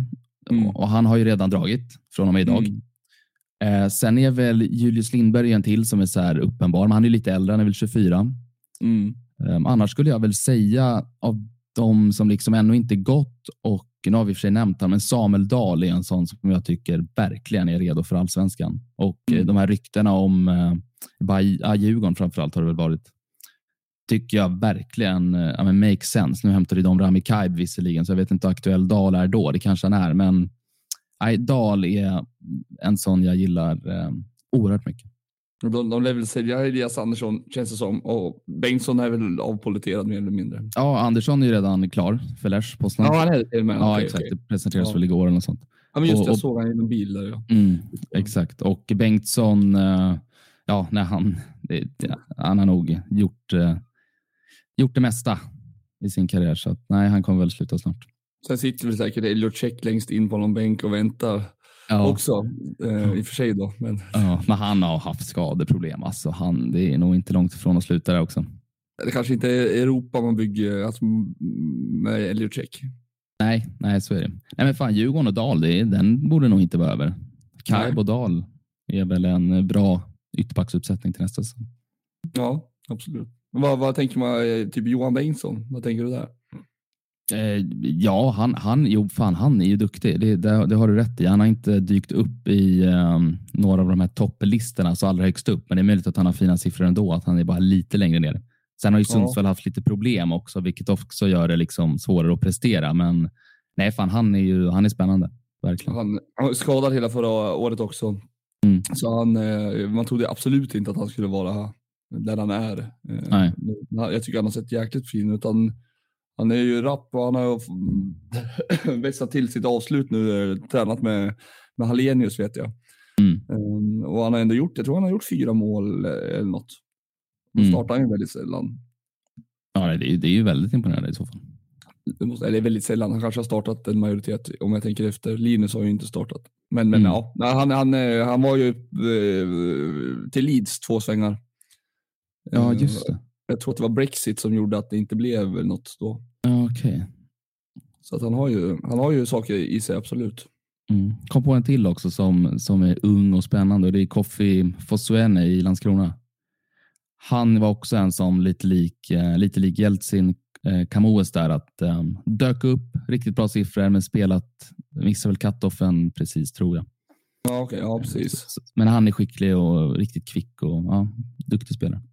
Ja, ja det, jag vet det, det, det är inte så jäkla mycket övergångar mellan superettan och allsvenskan är känslan ändå. Alltså att det inte Nej. har varit det senaste åren. Nej, det kanske inte är. Det borde vara fler i alla fall. Alltså ja, det, det, exakt. det finns kvalitet att hämta för, eh, för topp, eh, toppklubbarna. Alltså det, bara en sån grej som idag, eller igår var det kanske, eller ja, jag vet inte. När Djurgården presenterar den här eh, VA, Felix mm. VA. Mm. Och det är så här, han är ju lite av ett långskott och kan man väl lika gärna hitta någon ja, lite yngre ja, men som har lite större sannolikhet att lyckas in the long run. Ja. Um, för typ samma peng gissar jag. Ja, visst, exakt. Så nej, kanske lite, kika lite mer på superettan. Senaste stora övergången måste ju ändå ha varit Selikovic Örgryte till Värnamo, va? Typ fem miljoner. Ja, just det. Just det. Ja, den var ju... Uh...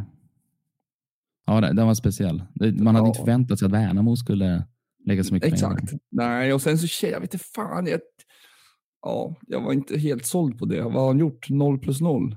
Ja, ja men det, ja, det är väl typ så. Han har, jag han tror har att han har gjort det. Han har inte flugit, alltså, det kan man inte säga. Nej. Det har inte blivit superbra.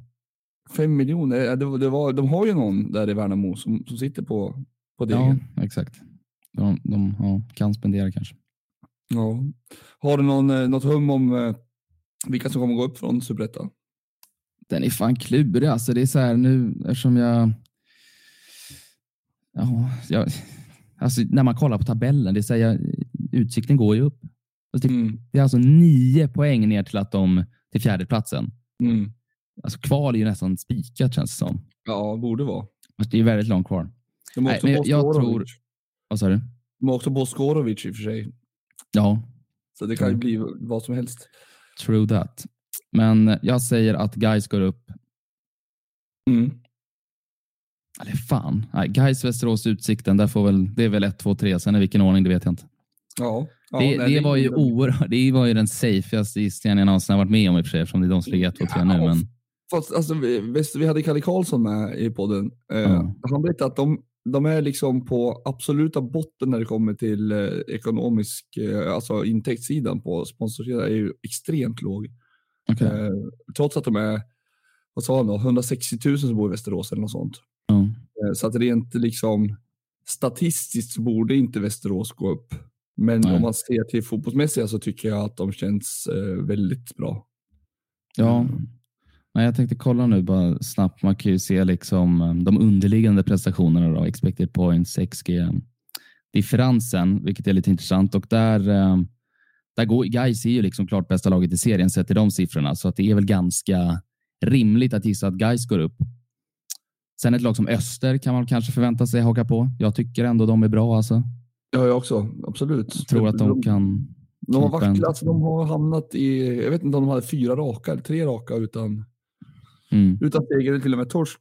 Eh, Jag, att, alltså, efter jag såg dem efter fem omgångar så trodde jag inte att de skulle torska en match. Jag tyckte de såg sjukt bra ut verkligen. Ja, de är fina. Sen vill Landskrona har ändå varit fina, men nu tappar de Jabara, vilket ändå är tungt. Ja.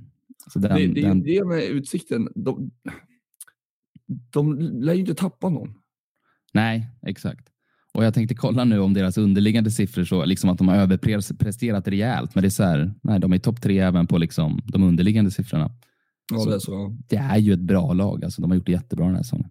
Ja, ja. Nej, alltså, de, de, borde, de borde ju gå upp utifrån ja. hur det ser ut. Men ja, um, mm. spännande. Mm. Uh, vilka åker ur då? Ja du, inte Sundsvall tror jag. Nej, det tror inte jag heller. Skövde åker ur. Det gör de absolut. Det är ju eh, redan klart. Typ. Det är spik. Ja. Sen är det ju frågan alltså. Är det AFC kanske? Ja, det är ingen dum gissning. Jag tror, jag, Helsing, jag tror Helsingborg löser det på något jävla vänster ändå. Det, det, alltså, det måste de ju göra. Ja. de kan inte spela division 1, men det kanske bara är därför man tror För att de har ju varit riktigt dåliga. Alltså. Ja, är det några som ska åka ur så, så är det väl Helsingborg i och för sig. De, eh, de har det i sig att köra, alltså kabla ihop fullständigt. Ja.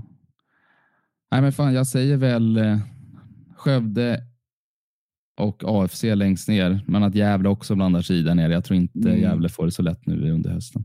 Nej, det, det tror inte jag heller. Eh, däremot så ja, tycker jag att de ser helt, helt okej okay ut mm. utifrån att de inte har några förutsättningar. Typ. Mm. Mm. Leo Englund, bara han ja. sig fri, alltså frisk. Mm. Uh, Adrian Edqvist heter han va? Han ser också rätt vass ut. Just det, just det. Ja, han är duktig. Han är duktig. Gamla Kalmar, Kalmar Ja men grymt. Vad snällt att du ställde upp och vad kul att ha dig med. Uh, och att få lite siffror på, på det vi sitter och tycker om. Ja, nej, skit, skitkul. Skitkul att vara här, verkligen. Vad härligt. Vi kanske får uh, möjlighet att återkomma Absolut. Det är bara att hojta. Super. Tack snälla. Tack, tack. Det här har varit Superettan-podden som görs av Rekat och Klart. Vi hörs nästa onsdag igen.